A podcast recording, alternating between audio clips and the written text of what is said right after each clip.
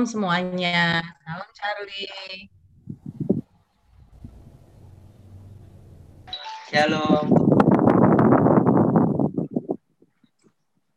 Shalom semuanya. Salam Charlie. Shalom Kak.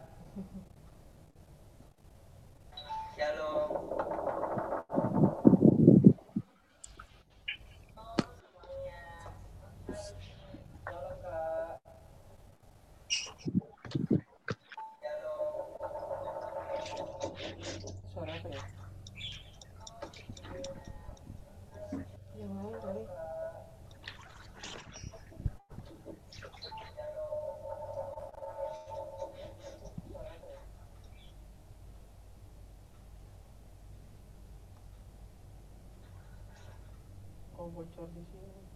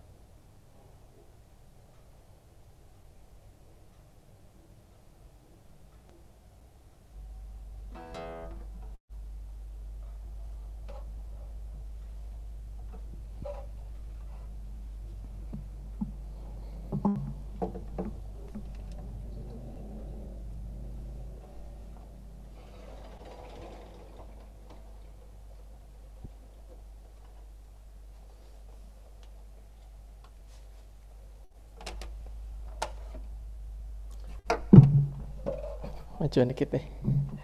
Oke. Sebentar.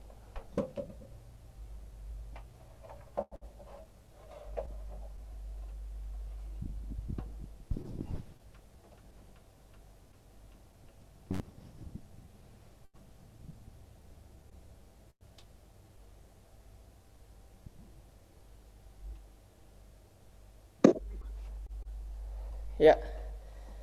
Shalom teman-teman. Shalom.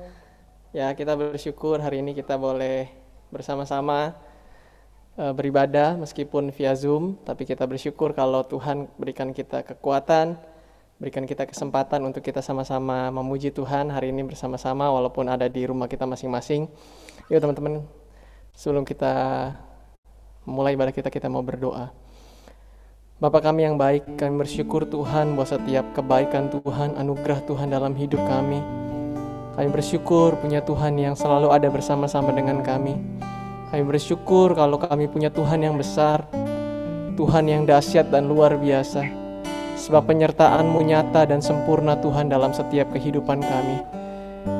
Kau Allah yang besar Tuhan. Kau Allah yang berkuasa Tuhan atas setiap kehidupan kami Tuhan. Bapak yang baik, sebentar kami mau memuji Tuhan, menyembah Tuhan. Biar nama Tuhan saja yang dipermuliakan, ditinggikan dan diagungkan lewat kehidupan kami.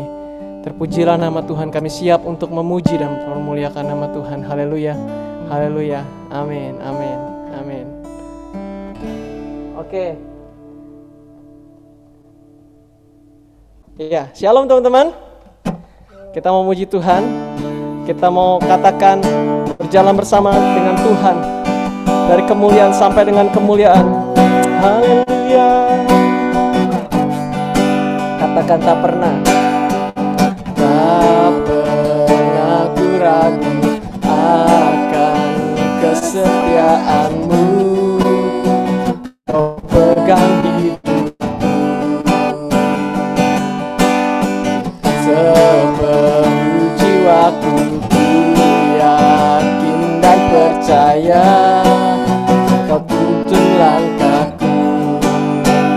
Katakan Yesus. Yesus kaulah raja dalam hidupku. Berkuasa berjaya untuk selamanya. Hanya kau Tuhan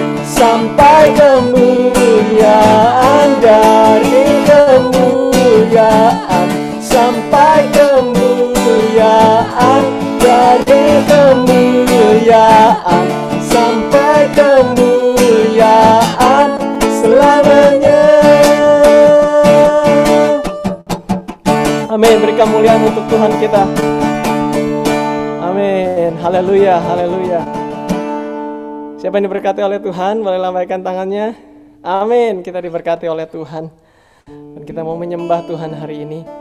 Kita bersyukur kalau kita ada sebagaimana kita ada. Dan hari ini tema kita adalah pause ya.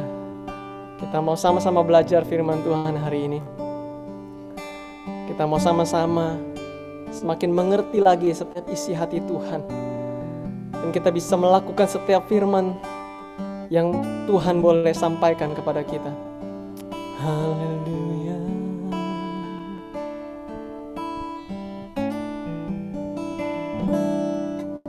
Bila hati terasa berat Tak seorang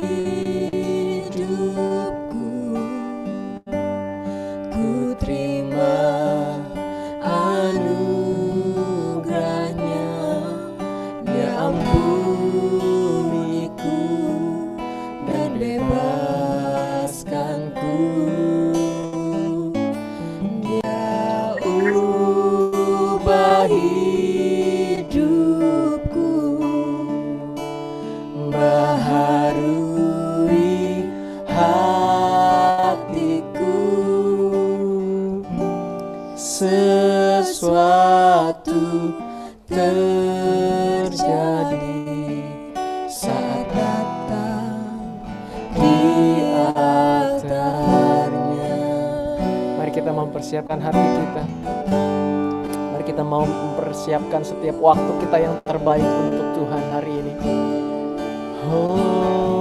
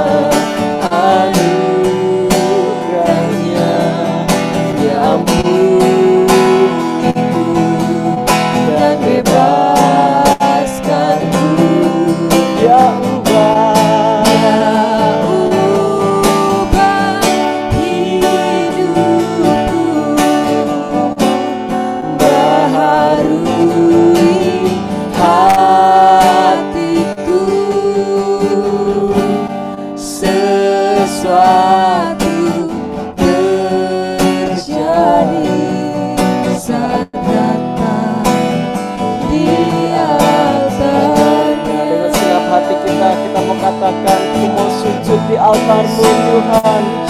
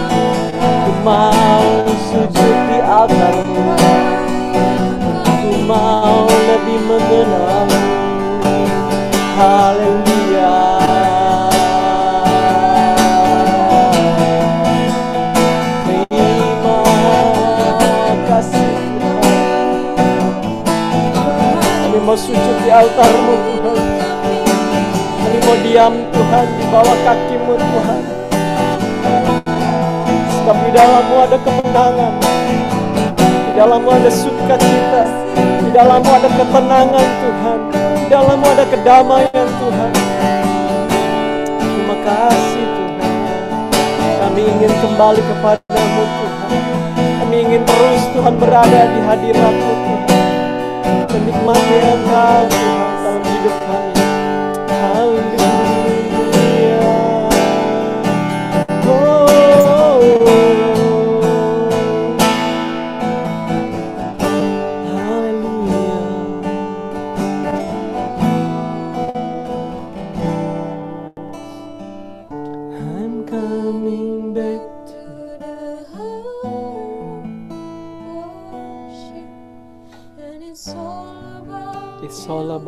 Jesus.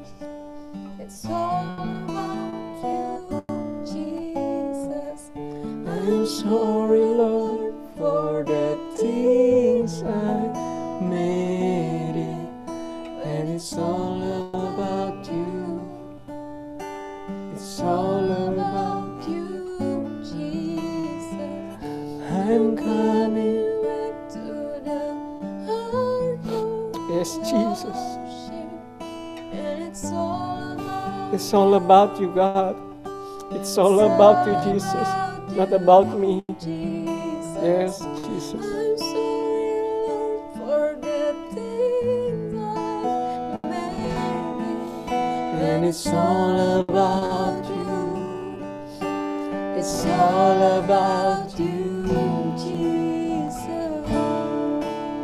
It's all about you. It's all about you.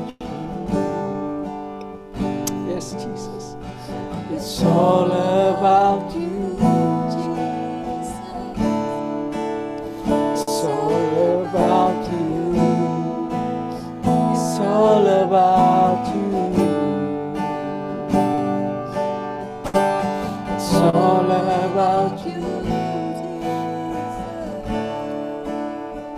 Mungkin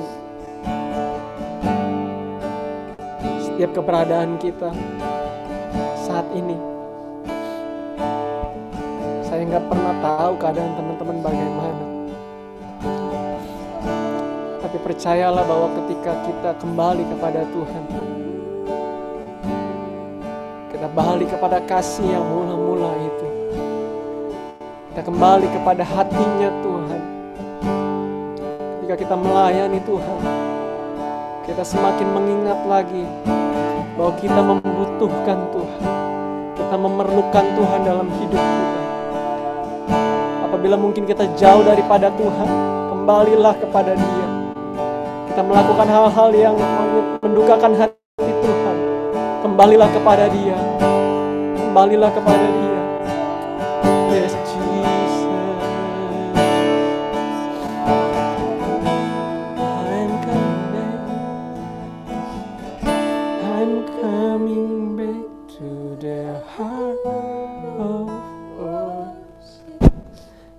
it's all about you. It's all about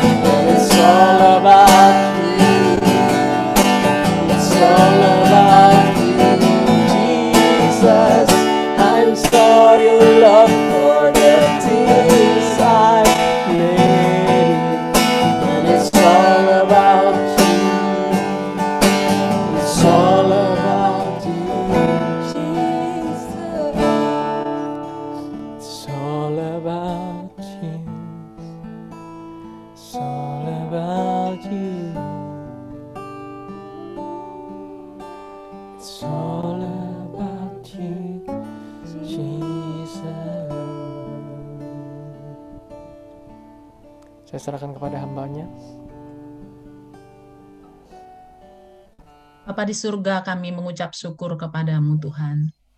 Tak habis-habisnya Tuhan Yesus jika kami ingin memuji, memuliakan, mengagungkan Engkau. Bahkan terbatas Tuhan kata-kata kami ketika kami hendak uh, muji menyembah Engkau Tuhan ya kami menyadari betapa ajaib, betapa hebat, betapa besar dan betapa agung Engkau Tuhan bagi kehidupan kami. Tuhan terima kasih buat kesempatan pada siang hari ini. Baik itu melalui Zoom maupun YouTube Tuhan yang kami saksikan hari ini mungkin pada menit-menit ke depannya juga. Kami berterima kasih untuk teknologi yang bisa kami nikmati ya Tuhan. Di saat-saat seperti ini Tuhan, di mana kami harus uh, mengisolasikan diri kami di rumah kami oleh karena pandemi COVID-19 ini tapi teknologi ini bisa tetap membuat kami terhubung satu sama lain Tuhan. Kami bisa tetap memuji, menyembah Engkau, kami bisa tetap beribadah kepada Engkau. Dan kami mengucap syukur Tuhan, terima kasih untuk semua media yang bisa kami pakai, setiap handphone kami, setiap Tuhan smartphone, setiap itu eh, tablet Tuhan, laptop, komputer Tuhan, kami mengucap syukur Tuhan. Terima kasih Tuhan buat kesempatan yang bisa Engkau berikan kepada kami untuk beribadah bersama-sama bersama pada hari ini. Tuhan berkatilah kami yang ada di Zoom ini maupun yang menyaksikan YouTube ini ya Tuhan. Biarlah firman-Mu Tuhan Yesus bisa Tuhan sampai ke dalam hati kami oleh karena kuasa roh-Mu yang akan membuat firman yang akan kami pelajari bersama-sama ini mendapat tempat di hati kami. Dan firman ini akan mengubahkan kami, memperbaiki kelakuan kami, bahkan Tuhan menyelaraskan pengetahuan kami terhadap kebenaran firman Tuhan sehingga hari demi hari hidup kami semakin dibaharui oleh Tuhan, pengenalan kami akan Engkau semakin benar dan semakin Tuhan Kau tambah-tambah tambahkan pengenalan akan Engkau dalam kehidupan kami. Mampukan kami Roh Kudus untuk menjadi pelaku firman, nggak hanya menjadi pendengar firman saja. Terima kasih Tuhan, Berkatilah penyampaian firman ini pada menit-menit ke depan. Buka hati kami, buat kami fokus, buat kami kesadaran akan menghormati Allah yang hadir di setiap rumah kami masing-masing, ruangan kami masing-masing. Kami tahu Tuhan hadir uh, di setiap uh, kehidupan kami, Tuhan. Terima kasih Bapa, kami mau mendengarkan kebenaran firman-Mu, kuduskan hambamu ini, sucikan hambamu ini, Tuhan, sebagai alat di tangan-Mu, Tuhan, sehingga baik hambamu maupun semua kami yang akan mendengar firman ini akan diberkati oleh Tuhan sehingga hati kami semakin hari akan ditarik semakin dekat kepada Tuhan. Hidup kami akan dibuat mengerti kehendak Tuhan dan melakukan kehendak Tuhan dalam hidup kami. Terima kasih Tuhan. Sekali lagi kami berdoa berkati media yang kami pakai, kuota jaringan WiFi yang kami pakai, uh, media yang kami pakai. Tuhan kuduskan semuanya sehingga ibadah ini akan berjalan dengan lancar sampai akhirnya nanti. Terima kasih Bapak hanya di dalam nama Yesus kami berdoa dan mengucap syukur. Amin. Oke, selamat siang teman-teman semuanya. Oke, bisa kasih chat di chat di bawah bilang saya senang kamu ada di Zoom ini. Ya, yang bisa ngechat boleh di chat, ya, yang di YouTube juga boleh membuat uh, di komennya bilang selamat beribadah. Saya senang sekali kamu ada bersama-sama di dalam ibadah pada siang hari ini. Tuhan pasti akan memberkati kita semua. Ya, uh, terima kasih buat kesempatan yang diberikan kepada saya, uh, khususnya oleh Kak Charlie ya, sebagai pembina daripada Youth GSCA Anugerah. Uh, terima kasih buat kesempatannya. Nah, hari ini kita diberikan tema yaitu pause ya, di mana tema daripada bulan ini adalah pemulihan pelayanan ya, pemulihan pelayanan. Dan hari ini 11 Juli kita belajar tentang pause. Nah, teman-teman, uh, pause itu ya dari beberapa uh, yang saya cari pengertiannya itu artinya bisa istirahat, pause itu bisa berarti jeda, Pause itu bisa berarti berhenti sebentar gitu ya. Nah, jadi eh, yang diharap ketika kita melayani teman-teman, kita kita melakukan pelayanan eh, tidak selamanya ya kita itu on fire, tidak selamanya kita itu berapi-api. Ada waktu-waktu kita mungkin down, ada waktu-waktu kita kecewa, ada waktu-waktu di mana kita juga eh, merasa putus asa gitu ya. Boleh mendengar suara saya? Soalnya screen saya kabur nih. Halo? Aman, Kak. Oh. Oke. Okay. Iya, oke. Okay. eh, ya jadi dan hari ini ya teman-teman kita mau belajar dari satu Raja-Raja 19 ayat 1 sampai 18 dari kisah seorang nabi yang sangat terkenal sekali di dalam perjanjian lama bahkan di dalam perjanjian baru pun nama nabi ini masih eh, ada disebut-sebut dan dituliskan dia adalah seorang nabi Elia mari kita buka satu Raja-Raja 19 satu Raja-Raja 19 ayat 1 sampai 18 ya. Oke, eh, firman Tuhan mengatakan, ketika Ahab memberitahukan kepada Isabel segala yang dilakukan Elia dan perihal Elia membunuh semua nabi itu dengan pedang, maka Isabel menyuruh seorang suruhan mengatakan kepada Elia, Beginilah kiranya para Allah menghukum aku, bahkan lebih lagi daripada itu. Jika besok kira-kira pada waktu ini aku tidak membuat nyawamu sama seperti nyawa salah seorang dari mereka itu, maka takutlah ia lalu bangkit dan pergi menyelamatkan nyawanya dan setelah sampai ke Bersheba yang termasuk wilayah Yehuda, ia meninggalkan bujangnya di sana. Tetapi ia sendiri masuk ke padang gurun sehari perjalanan jauhnya, lalu duduk di bawah sebuah pohon arar. Kemudian ia ingin mati katanya. Cukuplah itu. Sekarang ya Tuhan, ambillah nyawaku, sebab aku ini tidak lebih baik daripada nenek moyangku. Sesudah itu ia berbaring dan tidur di bawah pohon arar itu. Tetapi tiba-tiba seorang malaikat menyentuh dia serta berkata kepadanya, "Bangunlah, makanlah." Ketika ia melihat sekitarnya, maka pada sebelah kepalanya ada roti bakar dan sebuah kendi berisi air. Lalu ia makan dan minum, kemudian berbaring pula. Tetapi malaikat Tuhan datang untuk kedua kalinya dan menyentuh dia serta berkata, "Bangunlah, makanlah, sebab kalau tidak perjalananmu nanti terlalu jauh bagimu." Maka bangunlah ia lalu makan dan minum, dan oleh kekuatan makanan itu ia berjalan 40 hari, 40 malam lamanya sampai ke gunung Allah, yakni gunung Horeb. Di sana masuklah ia ke dalam sebuah gua dan bermalam di situ. Maka firman Tuhan datang kepadanya demikian. Apakah kerjamu di sini, hai Elia? Jawabnya, aku bekerja segiat-giatnya bagi Tuhan Allah semesta alam. Karena orang Israel meninggalkan perjanjianmu, meruntuhkan mesbah-mesbahmu, dan membunuh nabi-nabimu dengan pedang. Hanya aku seorang dirilah yang masih hidup dan mereka ingin mencabut nyawaku. Lalu firmannya, keluarlah dan berdiri di atas gunung itu di hadapan Tuhan. Maka Tuhan lalu angin besar dan kuat yang membelah gunung-gunung dan memecahkan bukit-bukit itu mendahului Tuhan. Tetapi tidak ada Tuhan dalam angin itu, dan sesudah angin itu datanglah gempa, tetapi tidak ada Tuhan dalam gempa itu. Dan sesudah gempa itu datanglah api, tetapi tidak ada Tuhan dalam api itu. Dan sesudah api itu datanglah bunyi angin sepoi-sepoi basah. Segera sesudah Elia mendengarnya, ia menyelubungi mukanya dengan jubahnya, lalu pergi keluar dan berdiri di pintu gua itu. Maka datanglah suara kepadanya yang berbunyi, Apakah kerjamu di sini, hai Elia? Jawabnya, Aku bekerja segiat-giatnya bagi Tuhan Allah semesta alam, karena orang Israel meninggalkan perjanjianmu, meruntuhkan mesbah-mesbahmu, dan membunuh nabi-nabimu dengan pedang. Hanya aku seorang dirilah yang masih hidup, dan mereka ingin mencabut nyawaku.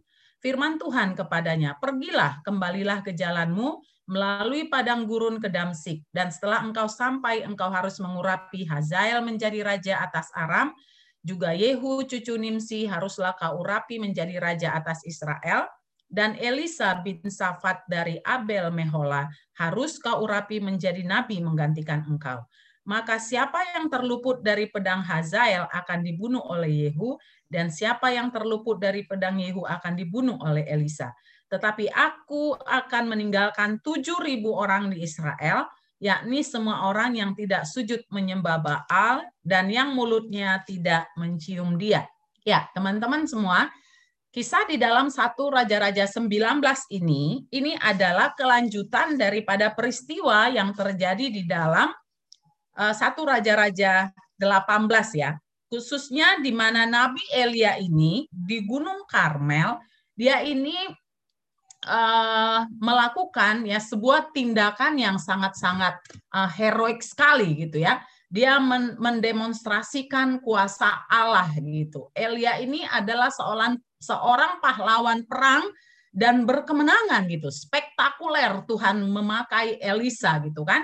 Di dalam eh, satu Raja-Raja 18 gitu ayat 22 ayat 22 di situ dikatakan, lalu Elia berkata kepada rakyat itu, hanya aku seorang diri yang tinggal sebagai nabi Tuhan, padahal nabi-nabi Baal itu ada 450 orang banyaknya. Bayangkan teman-teman, satu nabi Tuhan melawan 450 nabi Baal gitu ya. Dan kita tahu ceritanya teman-teman di sini tuh konteksnya di dalam uh, pasal 18 itu di mana Elia ini ingin membuktikan kepada masyarakat rakyat Israel yang pada waktu itu sudah meninggalkan Tuhan dan Raja Ahab sebagai raja pada waktu itu pun sudah meninggalkan Tuhan Allah Israel beralih kepada penyembahan berhala.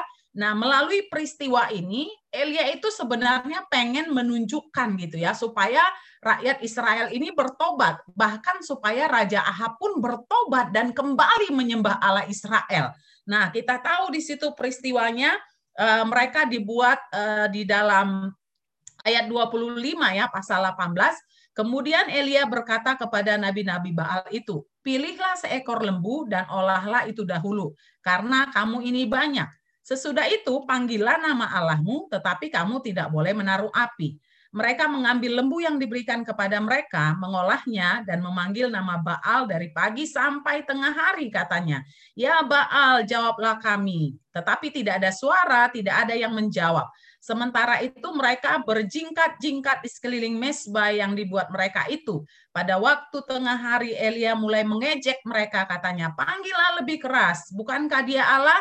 Mungkin ia merenung, mungkin ada urusannya, mungkin ia berpergian, barangkali ia tidur dan belum terjaga. Ayat 28 dari pasal 18, maka mereka memanggil lebih keras serta menoreh-noreh dirinya dengan pedang dan tombak seperti kebiasaan mereka, sehingga darah bercucuran di tubuh mereka.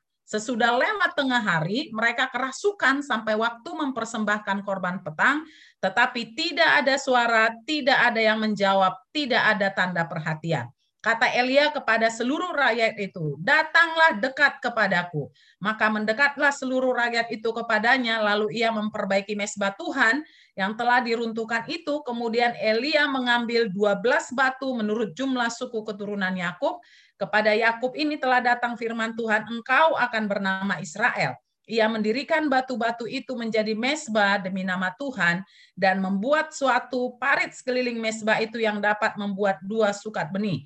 Ia menyusun kayu api, memotong lembu itu dan menaruh potongan-potongan di atas kayu api. Sesudah itu ia berkata, penuhilah empat buyung dengan air dan tuangkan ke atas korban bakaran dan ke atas kayu api itu. Kemudian katanya, buatlah begitu untuk kedua kalinya.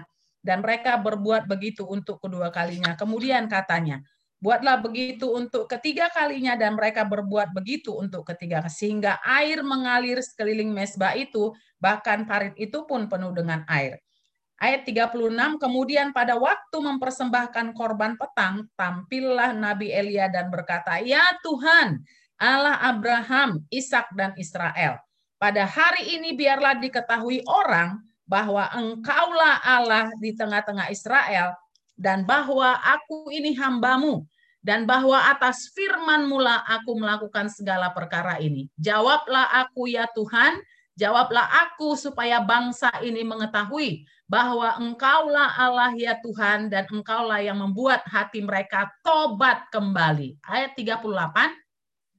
Lalu turunlah api Tuhan menyambar habis korban bakaran. Kayu, api, batu, dan tanah itu bahkan air yang dalam parit itu habis dijilatnya. Nah ini saudara peristiwa heroik gitu ya. Dan kemudian ketika uh, korban bakaran itu habis sehingga akhirnya teman-teman uh, karena para dewa para nabi-nabi Baal itu tidak bisa menunjukkan kekuasaan daripada Baal yang mereka sembah.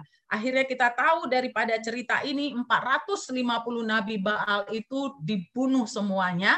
Nah, ini adalah yang melatar belakangi daripada pasal 19 yang kita baca tadi. Jadi teman-teman, Nabi Elia ini dia mendemonstrasikan kuasa Allah yang luar biasa. Dia seorang diri berperang melawan 450 bersama dengan Tuhan yang dia percayai. Spektakuler sekali gitu ya.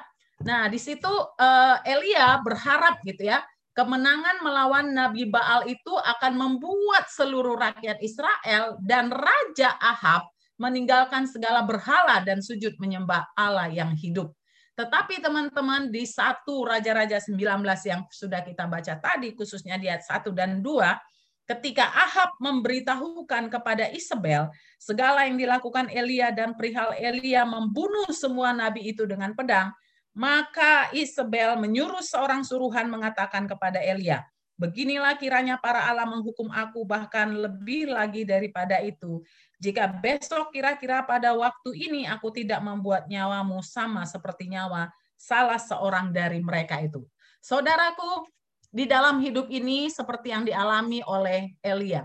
Baru beberapa hari yang lalu dia melakukan sebuah eh, sebuah tindakan yang sangat heroik sekali, kemenangan yang sangat luar biasa, demonstrasi kuasa Allah yang sangat luar biasa di mata orang Israel di de, di depan mata Raja Ahab sendiri di depan mata para para nabi-nabi Baal itu teman-teman. Dia melakukan satu tindakan yang spektakuler mukjizat kekuasaan Allah yang luar biasa dinyatakan. Tetapi ketika dia mendengar uh, perintah daripada ratu istana gitu ya. Kita tahu Isabel ini adalah seorang istri yang sangat uh, dominan sekali gitu uh, saya istri yang sangat dominan sekali dan istri yang sangat kejam gitu ya apa yang dia mau dia harus dapatkan dengan entah cara apa pun nah teman-teman ketika dia Ahab menceritakan suaminya menceritakan kepada istrinya perihal yang sudah dilakukan Nabi Elia dia berkemenangan melawan 450 Baal di mana Allah yang mereka sembah itu menyatakan kuasanya. Tetapi di sini kita tahu gitu ya perintah yang dikeluarkan dari istana gitu ya dan pasti sudah tersebar ke mana-mana gitu kan. Bahkan eh, sebuah ancaman dari istana gitu ya bahwa Elia itu harus dibunuh gitu.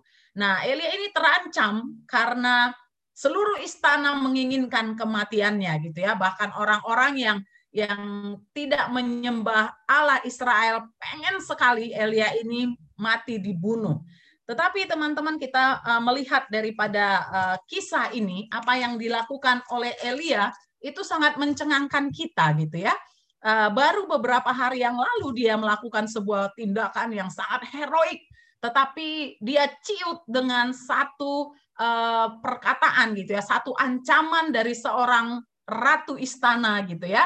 Dia terancam nyawanya dan akhirnya dia mengalami tekanan, dia mengalami depresi, dia mengalami ketakutan, dia mengalami putus asa dan kekecewaan, teman-teman. Uh, ini yang mau kita pelajari pada hari ini sesuai dengan tema yang diberikan paus berhenti sejenak. Itu yang dilakukan oleh uh, Elia juga gitu ya dia melarikan dirinya gitu kan. Ini memang cerita yang yang sangat unik sekali gitu ya.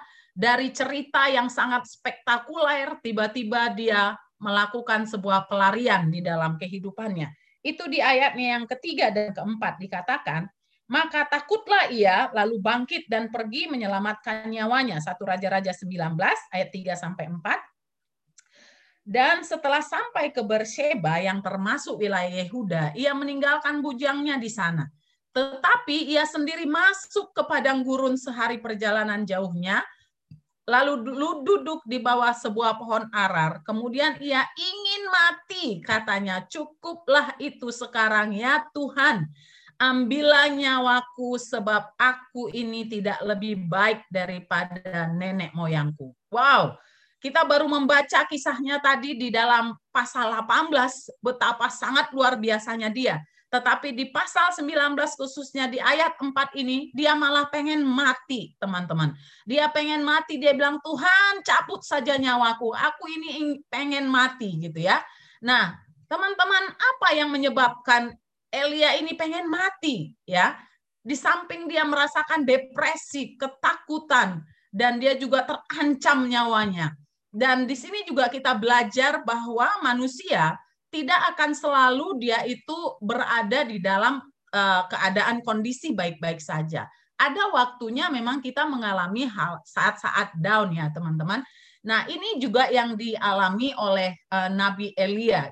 Dia pergi sendirian gitu ya. Elia merasa gagal. Dia merasa gagal membuat Raja Ahab itu harusnya bertobat dong. Kan udah ngelihat bahwa korban yang dipersembahkan nabi-nabi Baal itu nggak ada tersentuh oleh tidak ada api yang turun memakan korban mereka. Tetapi korban yang diberikan oleh Nabi Elia itu di, di, di terbakar semuanya gitu ya. Dan dia berharap teman-teman harusnya seluruh orang Israel, orang-orang yang nggak percaya kepada Allah Israel, bahkan Nabi Ahab sendiri pun harusnya bertobat saat itu juga ketika melihat mukjizat itu gitu ya. Tetapi yang dia dengar malah dia yang pengen dibunuh lagi. Nah, ini yang membuat dia itu merasa eh, merasa gagal gitu ya. Makanya dikatakan tadi aku ini tidak lebih baik daripada nenek moyangku gitu. Dia merasa gagal, dia kecewa kepada dirinya sendiri karena dia merasa bahwa pelayanannya nggak berhasil. Dia merasa bahwa pelayanannya itu tidak membawa dampak kepada orang-orang yang memang dia inginkan orang Israel itu harus bertobat dan kembali kepada Allah Israel, menyembah kepada Allah Israel bukan kepada para Baal. Dia mengharapkan Raja Ahab harus bertobat sebagai raja pemimpin tertinggi. Dia harus kembali kepada Allah Israel, Allah yang hidup, Allah yang mereka sembah. Tetapi kenyataan yang dia terima adalah di ayat 9, 19 ini justru dia pun hendak dibunuh. Nah, dari sini dia tahu bahwa mukjizat yang dia kerjakan, yang Tuhan lakukan melalui dirinya, ternyata tidak membawakan pertobatan, justru membuat Raja Ahab ini malah semakin jahat, bahkan menginginkan kematian dirinya. Nah, hal ini yang membuat Elia ini merasa sangat kecewa, dia merasa sangat sebagai seorang nabi, dia merasa dia gagal, seorang pembawa pesan Tuhan, dia merasa dia ini nggak berguna gitu ya. Ternyata apa yang sudah dibuat Tuhan melalui dirinya itu nggak membuat orang Israel dan pemimpin bangsa Israel, khususnya di sini Raja Ahab itu bertobat. Nah ini yang membuat dia akhirnya itu merasa gagal, merasa kecewa, ketakutan, depresi itu berkecamuk menjadi satu teman-teman, dan dia ingin mati. Nah di sini teman-teman apa yang bisa kita pelajari dari peristiwa ini? Apa yang harus kita ambil dalam pemulihan pelayanan kita ataupun pemulihan pribadi kita? Mungkin saat-saat ini, akhir-akhir ini, teman-teman kita merasa gagal, kita mungkin merasa kecewa, kita mungkin merasa nggak berguna, kita mungkin merasa uh, ketakutan, kita merasa uh, tidak ada tujuan, apalagi di saat-saat pandemi seperti ini ya, mungkin kita melihat orang tua kita kehilangan penghasilan, mungkin anggota keluarga yang kita sayangi kembali kepada Tuhan, mungkin kita mengalami masalah keuangan, kita mungkin sudah bosan ibadah di rumah, sekolah di rumah, semua serba Zoom, serba online, hampir satu tahun, uh, satu tahun, satu setengah tahun gitu ya, hampir satu setengah tahun teman-teman kita pakai Zoom, semua serba online, kita merasa aduh ini udah membosankan sekali. Tetapi ada berita baiknya kepada kita hari ini dari peristiwa yang kita pelajari daripada seorang Nabi Elia. Yang pertama, teman-teman ya, yang pertama setelah kita melihat ini, yang pertama kita tahu tadi ayat ketiga dan keempat, Elia ini dia pergi sendirian, dia pergi sendiri. Ya, yang pertama, apakah yang harus kita lakukan di saat kita pause, di saat kita uh, berhenti sejenak, di saat kita istirahat? Teman-teman, kita bisa berhenti sejenak, kita bisa istirahat. Yang pertama yang kita pelajari, adalah kamu harus memiliki komunitas yang benar, teman-teman. Jadi tetap harus ada di dalam sebuah komunitas. Walaupun kita di rumah, walaupun kita belajar dari rumah, kita beribadah dari rumah, tetapi kita sangat bersyukur kita masih bisa dipersatukan lewat Zoom. Masuklah dalam komsel-komsel kalian, ikut di sana. Pastikan kalian ada di dalam sebuah komunitas yang benar, teman-teman. Walaupun kamu pause, walaupun kamu berhenti sejenak, walaupun kamu istirahat, gitu ya, untuk uh, pribadi kita bisa dipulihkan Tuhan, untuk kita bisa tetap pelayanan kita mengalami pemulihan, teman-teman kamu harus berada di dalam komunitas yang benar. Elia dia pergi sendirian gitu ya. Dia pergi sendiri, dia tidak membawa bujangnya, dia pergi sendirian dan akhirnya dia ingin mati di sana. Ini hal pertama yang kita pelajari daripada uh, Raja-Raja 19 ayat 1 sampai 18 yang kita bahas pada hari ini. Dan yang kedua teman-teman di ayat 5 sampai 8, sesudah itu ia berbaring dan tidur di bawah pohon arar itu. Tetapi tiba-tiba seorang malaikat menyentuh dia serta berkata kepadanya, "Bangunlah, makanlah."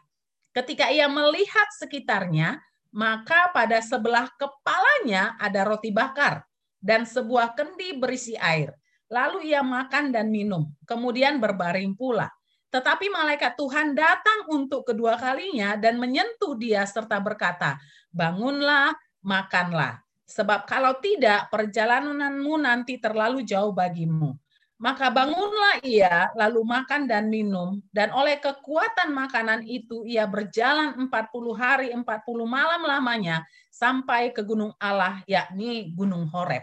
Nah, teman-teman, di dalam ayat 5 sampai 8 ini gitu ya. eh, Tuhan itu sangat luar biasa sekali. Dia mengutus malaikat. Biasanya di dalam perjanjian lama, teman-teman, ketika Tuhan mengutus malaikat kepada nabi itu untuk menyampaikan pesan yang yang pesan dari Tuhan kepada umatnya. Tetapi peristiwa di dalam satu Raja-Raja 19 ini justru Tuhan mengutus malaikat untuk memberikan makanan loh kepada Nabi Elia. Wow, itu luar biasa sekali ya. Dia utus malaikat untuk memberikan makanan dan minuman, teman-teman. Jadi di sini kita bisa melihat gitu ya, Allah itu sangat luar biasa dalam memelihara umatnya.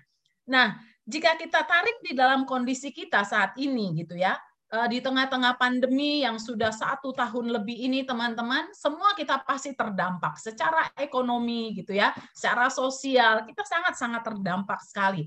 Tetapi jika saya meminta kita semua menceritakan bagaimana Allah menyertai hidup kita selama masa pandemi ini, pasti semua kita punya kesaksian. Betul ya? Amin ya teman-teman. Pasti kita semua bisa menyaksikan bagaimana Allah menyertai kita. Ini pun hal yang sangat luar biasa. Ketika saya mempersiapkan khotbah ini, saya kagum akan Tuhan. Saya bilang, wow luar biasa Tuhan. Dia kirim malaikat loh untuk kirim makanan kepada Nabi Elia. Roti dan air dalam kendi gitu kan. Dan ini makanan yang sangat biasa teman-teman bagi orang Israel pada waktu itu. Ini adalah makanan yang sangat biasa, roti bundar dan air di dalam kendi gitu kan. Namun teman-teman, eh, makanannya ini biasa saja gitu ya. Tetapi eh, ada maksud dan rencana Tuhan ketika Tuhan itu memberikan dia makanan gitu ya dia bilang makan, minum gitu. Karena kamu akan melakukan perjalanan loh 40 hari 40 malam ke Gunung Horeb gitu kan.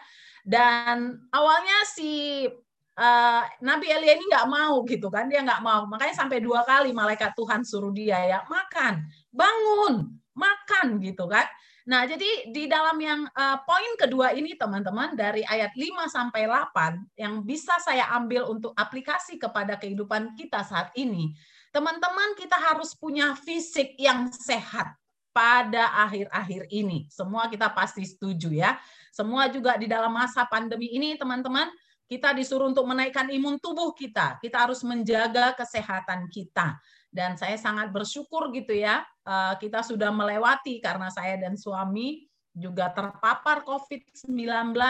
Suami saya mengalami gejala yang cukup parah, dan kami melakukan isoman di rumah. Karena rumah sakit semua full kita merasa lebih nyaman kita ada di rumah. Dan dia dia 12 hari demam terus batuk terus saya itu udah sampai ketakutan gitu ya. Tapi saya hanya gejala ringan teman-teman. Tetapi eh, sebelum-sebelumnya kita itu juga sangat menjaga banget gitu ya. Kita olahraga, sering berjemur, minum vitamin gitu kan. Minum vitamin, kemudian kita jaga makanan kita, kita berdoa untuk tidak terpapar COVID-19. Pada akhirnya kita terpapar juga gitu ya. Nah, kita yang udah jaga aja kena loh, terpapar loh gitu kan. Tetapi teman-teman bagaimana dengan anak-anak muda zaman sekarang? Ayo teman-teman, di dalam paus ini gitu ya yang pertama tadi kamu ada dalam komunitas yang sehat kamu harus punya sebuah komunitas. Teman-teman seiman yang bisa membangun kamu mengingatkan kamu mendoakan kamu memperhatikan. Bahkan menegur kamu ketika kamu melakukan sebuah kesalahan. Itulah komunitas yang yang sehat. Yang kedua kita harus punya fisik yang sehat. Anak-anak muda harus investasi kesehatan. Jangan main game sampai larut-larut malam, itu kamu sedang menginvestasikan penyakit di masa depan.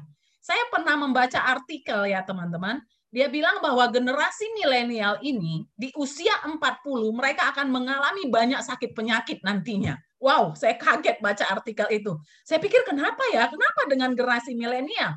Dia mengatakan karena generasi milenial itu sangat terikat dengan dengan gadget, sangat terikat dengan media sosial, sangat terikat dengan yang namanya games sampai mereka itu tidur itu bisa sampai jam 3 pagi, 4 pagi gitu ya jadi begadang terus sepanjang malam. Dia mengatakan, memprediksi bahwa kesehatan generasi milenial di usia 40 tahun akan mengalami banyak sakit penyakit. Oleh karena gaya hidup di masa muda yang tidak diperhatikan.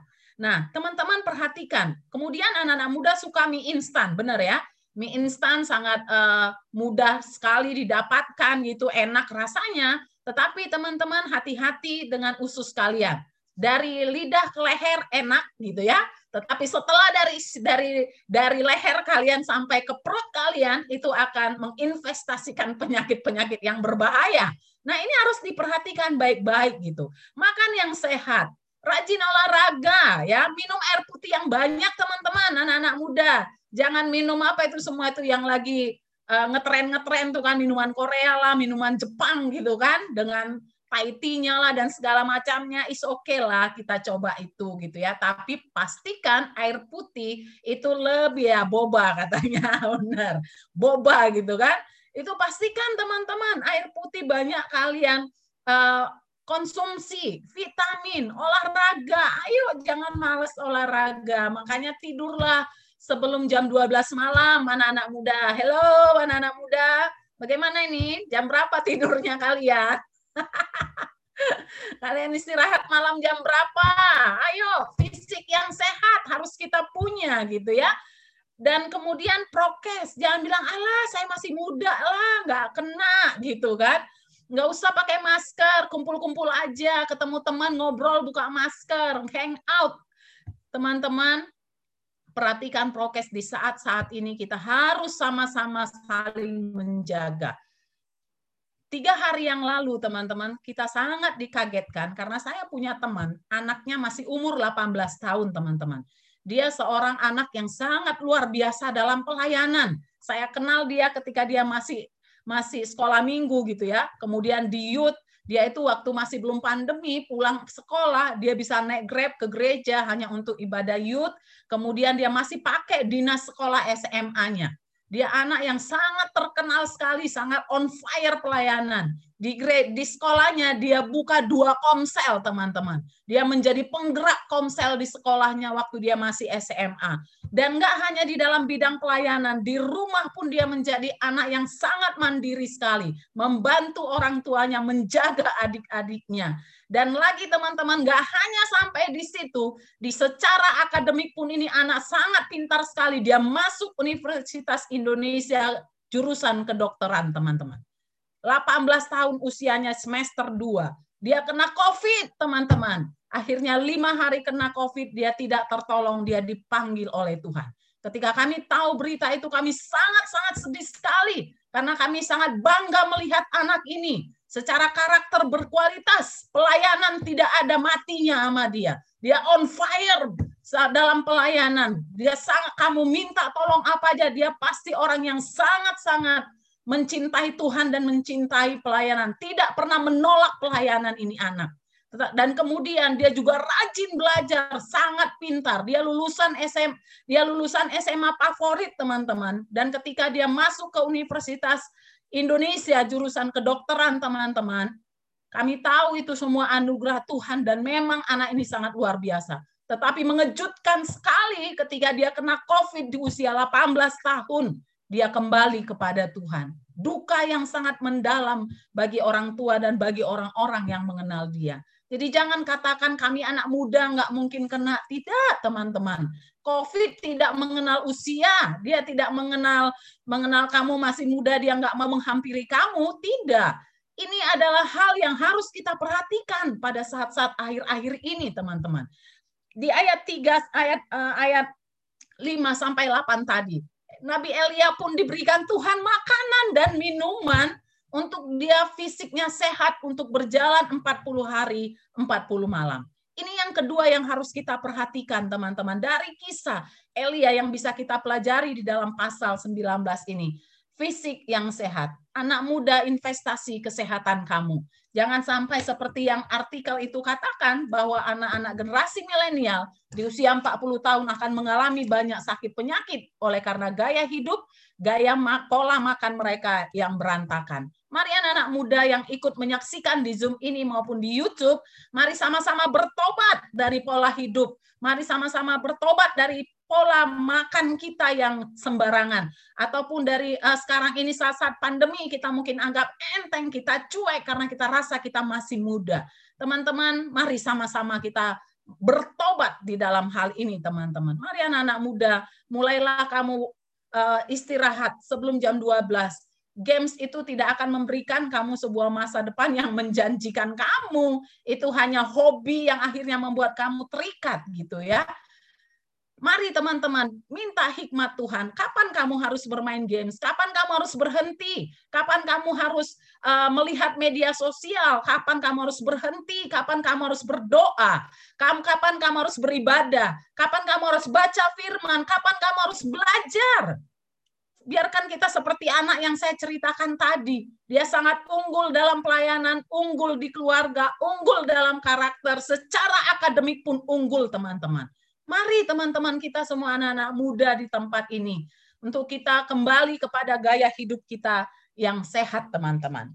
Yang ketiga, di ayat 9 sampai 14 dikatakan di sana masuklah ia ke dalam sebuah gua dan bermalam di situ. Setelah 40 hari 40 malam dia melakukan perjalanan dari ayat 8 tadi teman-teman ke ayat 9 di sana masuklah ia, maksudnya Nabi Elia ke dalam sebuah gua dan bermalam di situ.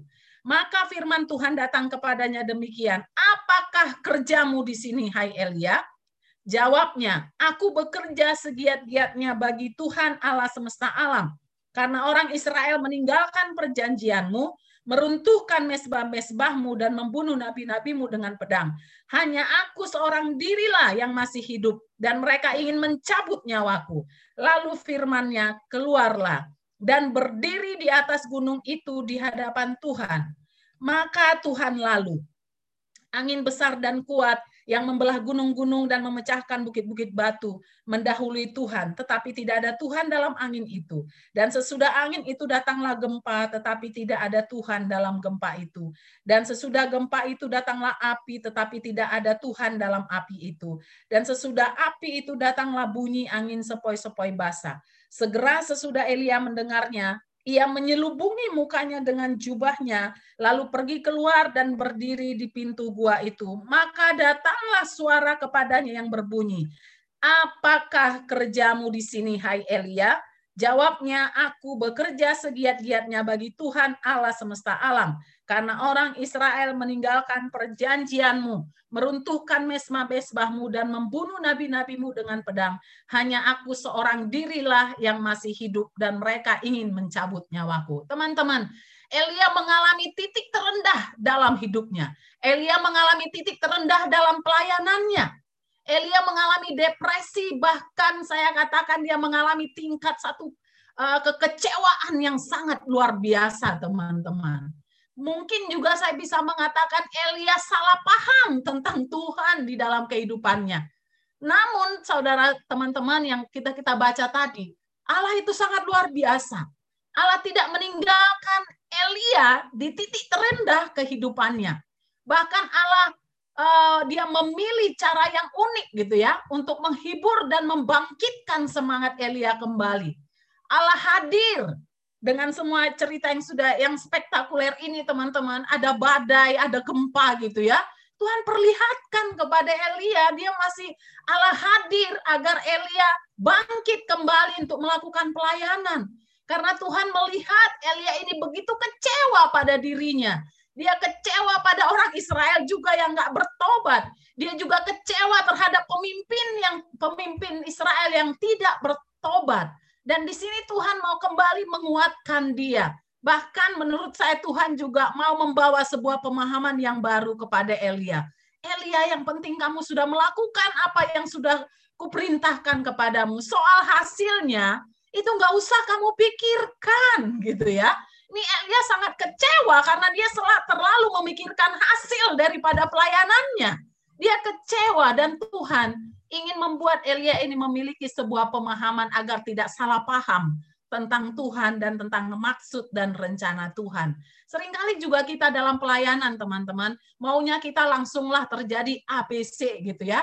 Tetapi itu kok nggak jadi-jadi ya gitu ya. Kita kadang itu Tuhan menginginkan kita melewati prosesnya. Tuhan ingin kita tetap setia di masa-masa sulit. Tuhan ingin tetap kita setia mungkin walaupun tidak ada orang yang percaya kepada kita, tidak pelayanan kita mungkin tidak langsung spektakuler gitu ya. Tetapi Tuhan ingin melihat kita setia. Tuhan ingin kita ini ya lakukan apa yang menjadi kehendak Tuhan, jangan melihat hasilnya. Takutnya nanti ketika kita langsung melihat hasil, kita jadi sombong, kita jadi meninggalkan Tuhan, kita mengambil kemuliaan yang harusnya menjadi milik Tuhan, teman-teman. Nah, di sini teman-teman ada satu kata yang yang luar biasa gitu ya. Ditanyakan kepada Elia, apa kerjamu di sini? Dan ini menjadi pertanyaan bagi diriku dan diri kita semua. Apa yang kita kerjakan saat-saat ini, teman-teman? What are you doing here? Tuhan nanya pada Elia, Elia, what are you doing here? Dan pertanyaan ini juga datang kepada kita semua, kepada saya, kepada semua yang mendengarkan firman ini. What are you doing here? Apa yang kau kerjakan di sini pada saat-saat ini? Apakah engkau sedang melakukan apa yang diperintahkan Tuhan? Apakah sedang melakukan hal yang tidak diperintahkan Tuhan? Atau kita melakukan dosa mungkin, hal-hal yang melukai hati Tuhan. What are you doing here? Hello, jemaat Tuhan. Apa yang kau lakukan saat ini? Maka poin yang ketiga, dari yang bisa kita melihat supaya pemulihan, supaya pelayanan kita mengalami pemulihan, supaya hidup kita mengalami pemulihan. Di masa-masa kita berhenti sejenak, istirahat ini, pause. Yang ketiga, pastikan hidupmu menjalani hidup yang benar, teman-teman. What are you doing here? Apakah engkau sudah melakukan firman Tuhan? Apakah engkau sudah melakukan kehendak Tuhan? Apakah engkau sudah melakukan hal-hal yang bernilai kekekalan? Apa yang kau lakukan akhir-akhir ini? Main games? Main gadget banyak-banyak? Buka media sosial berjam-jam? Melupakan pembacaan firman? tidak berdoa, tidak beribadah, teman-teman. What are you doing here? Apa yang kita kerjakan saat ini? Mari teman-teman, introspeksi diri kita. Sudahkah kita menjalani hidup yang benar? Pastikan hari-hari yang kita lalui ini, teman-teman semua, kita menjalani hidup yang benar. Dan yang terakhir, di ayat 15 sampai ke 18 firman Tuhan kepadanya, pergilah kembalilah ke jalanmu melalui padang gurun ke Damsik. Dan setelah engkau sampai, engkau harus mengurapi Hazael menjadi raja atas Aram, juga Yehu cucu Nimsi haruslah kau urapi menjadi raja atas Israel. Dan Elisa bin Safat dari Abel Mehola harus kau urapi menjadi nabi menggantikan engkau. Maka siapa yang terluput dari pedang Hazael akan dibunuh oleh Yehu, dan siapa yang terluput dari pedang Yehu akan dibunuh oleh Elisa. Tetapi aku akan meninggalkan tujuh ribu orang di Israel, yakni semua orang yang tidak sujud menyembah Baal, dan yang mulutnya tidak mencium dia. Yang terakhir teman-teman, pelarian memberikan pelajaran kepada Elia. Bahwa dia tidak sendiri karena ada Tuhan bersama-sama dengan dia. Amin teman-teman. Pelarian Elia memberikan pelajaran kepada dia bahwa Tuhan masih punya tugas pelayanan bagi dia ke depannya nggak hanya karena orang Israel tidak bertobat setelah peristiwa eh, mesbah korban bakaran yang sudah yang sudah disambar oleh api gitu ya. Enggak hanya di situ Tuhan pelarian Elia memberikan dia pelajaran bahwa dia tidak sendiri, ada Tuhan yang bersama dengan dia. Elia bangkit dari kekecewaannya. Tuhan memberi dia tugas mengurapi tiga orang. Hazael Raja Aram, Yehu Raja Israel, Elisa yang nanti akan menjadi nabi menggantikan dia. Bahkan dia yang selama ini kecewa, dia merasa aku sendirian loh yang menyembah pada Tuhan. Aku sendiri loh yang giat melakukan ke- pekerjaan kepada Tuhan. Tuhan mengatakan, tidak. Di ayat yang ke-18, 7.000 orang Israel masih ada berdiri bersama-sama dengan Elia menyembah Tuhan Allah yang hidup. Amin teman-teman. Hal yang luar biasa yang yang kita pelajari pada hari ini. Yang keempat yang bisa kita ambil daripada ayat 15 sampai 18, layani Tuhan dengan setia. Amin teman-teman. Layani Tuhan dengan setia. Walau kita sedang mengalami hal-hal yang menyakitkan, walau kita sedang mengalami kekecewaan, walau kita sedang mengalami kegagalan, walau kita sedang mengalami depresi, ketakutan, ketidakpastian, teman-teman, mari layani Tuhan dengan setia. Empat hal yang kita pelajari pada hari ini di dalam untuk kita supaya kita uh, ada dalam pemulihan pelayanan maupun pemulihan pribadi kita dan di dalam tema spesial hari ini adalah pause berhenti sejenak ataupun istirahat. Yang pertama, pastikan kamu ada dalam komunitas yang benar. Selalu selalu terkoneksi di dalam komsel, di dalam ibadah, ya, punya komunitas. Yang kedua, fisik yang sehat, teman-teman.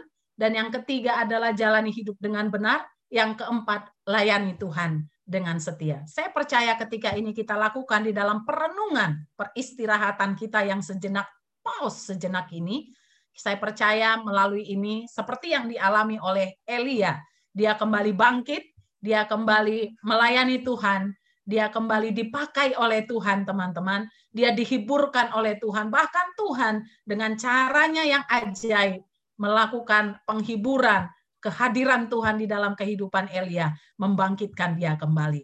Teman-teman, Elia, nabi yang sangat luar biasa saja pun pernah mengalami uh, masa-masa seperti ini, apalagi kita, teman-teman. Tetapi percayalah, ketika kita ada di dalam komunitas yang benar, ketika kita menjaga fisik kita sehat, karena ketika fisik kita sehat, teman-teman, nggak mungkin kamu melayani Tuhan dengan fisik kamu lagi sakit-sakitan gitu kan, apalagi saat-saat sekarang ini, kalau kamu terpapar COVID, udah deh, 14 sampai 20 hari kamu isoman, nggak boleh keluar ke mana-mana gitu kan. Belum lagi berjuang berjuang dengan demamnya, batuknya, flu-nya, ngilu-ngilu badannya. Aduh, pokoknya nggak enak deh teman-teman ya.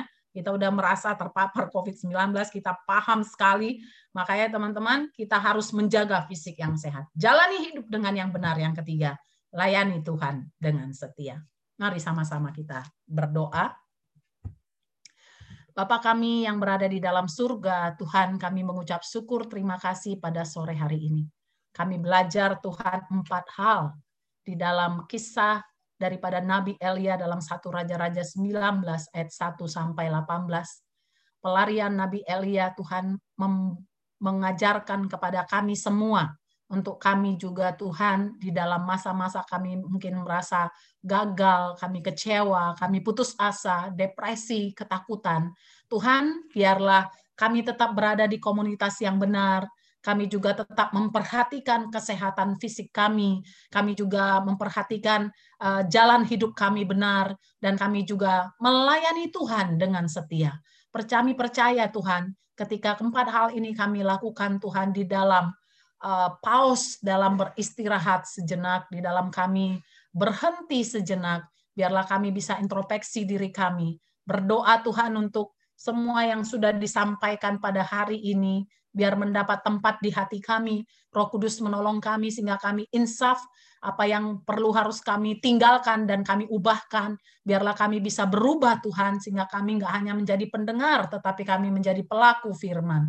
Terima kasih Tuhan, aku berdoa buat semua orang yang ada di Zoom, di YouTube yang menyaksikan ini, turunlah kiranya kuasa Allah melawat mereka, menjama, menguatkan, memberkati mereka. Sehingga mereka bertumbuh dalam komunitas yang benar, fisik mereka sehat, dan kami berdoa hidup yang mereka jalani adalah hidup yang benar. Dan kami juga berdoa berikan kesetiaan kepada kami untuk senantiasa setia di dalam melayani Engkau apa pun kondisi, keadaan, situasi yang Kau izinkan terjadi dalam hidup kami.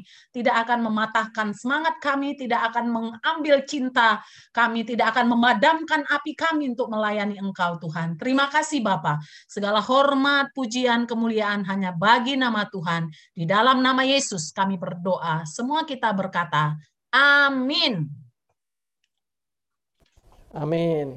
Saya kembalikan kepada Kak Charlie. Siap. Thank you Kak Maria buat firman Tuhan yang disampaikan. Yang diberkati Tuhan boleh kasih emot, emot jempol, jempol. Oke, eh saya mau jatuh. Oke, eh, kita diberkati oleh Tuhan pada eh, siang hari ini. Sekali lagi thank you Kak Maria buat eh, kesediaannya memberkati kita lewat firman Tuhan hari ini. Dan saya akan memberikan pengumuman. Ya, ini ada eh, seminar dari DKMD Banten. Jadi teman-teman bisa mengikuti seminar ini itu yang akan dilaksanakan pada hari Sabtu tanggal 31 Juli. Ya ini eh, program dari DKMD ya, daerah. Jadi daerah Banten, temanya itu Love, Dating and Marriage. Ya, prinsip pacaran sehat sebagai persiapan untuk pernikahan kudus. Di sini semua semuanya mau nikah kan? Ya. Wah, Mas Dwi semangat banget kayaknya. Semuanya mau nikah kan? Eh, jadi kita mau mempersiapkan nih, ya. Bukan kita ya, teman-teman. Saya udah nikah soalnya. Tapi saya juga nanti pasti ikut supaya ini menjadi bekal juga dalam kehidupan saya. Yuk teman-teman, saya saya mengundang untuk teman-teman dan mengajak khususnya buat teman-teman semua nih, teman-teman Youth Blessing bisa mendaftarkan diri teman-teman itu di grup ya. Ini paling terlambat nanti hari Sabtu ya paling lambat nanti hari Sabtu itu bisa langsung isi aja namanya di grup atau bisa hubungin eh, ke si eh, seksi administrasi kita Christine terus Nita atau Meta ya Eh, paling lambat hari Sabtu tanggal berapa hari Sabtu? Tanggal 17 ya teman-teman sekali lagi yuk teman-teman kita bisa daftarin diri kita nih buat ikutin seminar ini. Oke, itu aja pengumuman dari saya pada uh, siang hari ini. Untuk penata layan nanti akan di share di grup. Dan kiranya kita boleh diberkati Tuhan. Dan apabila ada teman-teman tadi saya lihat ada yang baru pertama kali join, kami juga mengucap syukur dan kiranya teman-teman juga bisa diberkati oleh Tuhan. Dan kalau membutuhkan informasi lebih lanjut bisa menghubungi ke kita, Gesia Anugerah Sari Mulia atau ke pihak Youth Blessing. Oke, ada tambahan dari teman-teman seksi ibadah? Cukup? Kita akan doa menutup ibadah kita pada siang hari ini. Mari kita berdoa. Bapak yang baik, terima kasih Tuhan buat siang hari ini untuk berkat yang Tuhan berikan. Kami diberkati lewat pujian, penyembahan, kami juga diberkati lewat firman Tuhan yang menguatkan kami, menegur kami, yang menjadi bekal dalam kehidupan kami untuk kami dapat melakukan setiap aktivitas kami Tuhan. Tuhan kami bersyukur buat Kak Maria yang ada bersama-sama dengan kami di Zoom pada siang hari ini. Kiranya Tuhan memberkati setiap kehidupan Kak Maria, apa yang dia lakukan, apa yang beliau lakukan, e, dikerjakan Tuhan yang buat menjadi berhasil. Berkati buat keluarganya, berkati buat suaminya, Tuhan memberkati dengan kesehatan, dengan kekuatan, dengan berkat-berkat yang melimpah yang daripada Tuhan. Tuhan di mana pun Kak Maria berada, kiranya Kak Maria semakin menjadi berkat semakin menjadi terang, menjadi dampak bagi banyak orang Tuhan. Sehingga banyak jiwa-jiwa juga boleh dimenangkan, banyak jiwa-jiwa boleh dikuatkan lewat kehadiran Kamaria. Kami bersyukur juga buat setiap teman-teman Youth Blessing yang ada pada siang hari ini yang join, baik lewat Zoom maupun yang menyaksikan via YouTube. Tuhan memberkati setiap kami semua dengan berkat yang dari Tuhan dan kami percaya kami sudah diberkati oleh Tuhan. Yang sakit Tuhan sudah sembuhkan yang berbeban berat kau sudah angkat bebannya. Kau gantikan dengan sukacita dan buat kami Tuhan supaya kami dapat terus setia dalam mengiring Tuhan dalam mengikut Tuhan. Dan kami berdoa buat teman-teman kami yang saat ini isoman yang saat ini sedang terbaring sakit Tuhan yang terpapar COVID, kami berdoa akhirnya Tuhan pertolongan yang dari Tuhan boleh nyata. Tuhan boleh menyembuhkan setiap mereka Tuhan. Berikan sukacita damai-Mu Tuhan. Sehingga lewat damai yang ada dalam dirinya, imunitas dalam tubuhnya boleh naik Tuhan. Dan dia boleh sembuh Tuhan, teman-teman kami boleh sembuh. Dan mereka boleh kembali beraktivitas dengan baik. Kembali bisa melayani Tuhan bersama-sama dan kami rindu Tuhan. Untuk kami percaya ada waktunya nanti. Kami bisa bersama-sama kembali beribadah di gereja Tuhan bisa bertemu muka demi muka satu sama lain. Dan kami terus berdoa Tuhan buat eh, teman-teman kami yang sedang berjuang kiranya Tuhan menyembuhkan setiap mereka menolong buat setiap apa yang mereka butuhkan apa yang mereka perlukan. Kiranya Tuhan yang mencukupkan segala sesuatunya. Kami berdoa buat bangsa dan negara kami. Kami percaya Engkau mengasihi bangsa kami. Dan kami mau serahkan bangsa Indonesia ini ke dalam tangan dan kuasa Tuhan Biar kuasa Tuhan dinyatakan, berkat Tuhan dinyatakan atas bangsa kami. Tuhan yang memulihkan bangsa kami dari segala situasi kondisi yang ada sekarang ini. Tuhan menolong sehingga bangsa kami boleh bangkit Tuhan. Bangsa kami boleh uh, semakin membaik demi hari demi hari Tuhan. Sehingga ketika waktunya kami percaya bahwa bangsa kami akan dipulihkan oleh Tuhan. Terima kasih Bapak yang baik. Selesai sudah uh, ibadah via Zoom kami pada siang hari ini. Kira Tuhan kami tutup hanya di dalam nama Tuhan Yesus dan kami mau terima berkat Tuhan hari ini. Haleluya. Kaum muda yang diberkati oleh Tuhan, mari kita akan mengangkat tangan pada siang hari ini. Tuhan mengasihi dan melindungi engkau. Tuhan menyinari engkau dengan wajahnya dan memberi engkau kasih karunia. Tuhan menghadapkan wajahnya kepadamu dan memberi engkau damai sejahtera. Penyertaan dari Roh Kudus, kasih sayang dari Tuhan Yesus Kristus akan terus menyertai kehidupan kita dari saat ini sampai Maranatha Tuhan datang kali yang kedua. Menjemput setiap orang yang percaya kepadanya, hidup kekal bersama-sama dengannya selama-lamanya. Sementara kita masih dianugerahi kehidupan di tengah-tengah dunia ini, akuilah dia dalam segala lakumu, maka Tuhan akan meluruskan jalan-jalan hidupmu dan membuat segala sesuatu yang engkau kerjakan, engkau usahakan menjadi berhasil. Amin. Amin. Amin. Oke teman-teman, eh, selamat hari Minggu. Oh sebelum live nanti kita mau foto dulu. Biasanya kan foto dulu kita. Yuk kita foto dulu nanti bisa di guide Irin atau Devri dari seksi ibadah silakan. Maria. Boleh open Ibu De Ibu Dwi, makasih. Yuk boleh dinyalakan kameranya. Ketemu di Zoom kita ya, Bu. Iya. ya Ini lagi sariawan nih bibirnya. Oh. Septi, Jepan, M itu siapa? M itu M. Oh iya Ronauli. It's okay kalau yang enggak ini. Buka-buka. Mungkin ada yang di YouTube. Kalau YouTube nggak ke detect. iya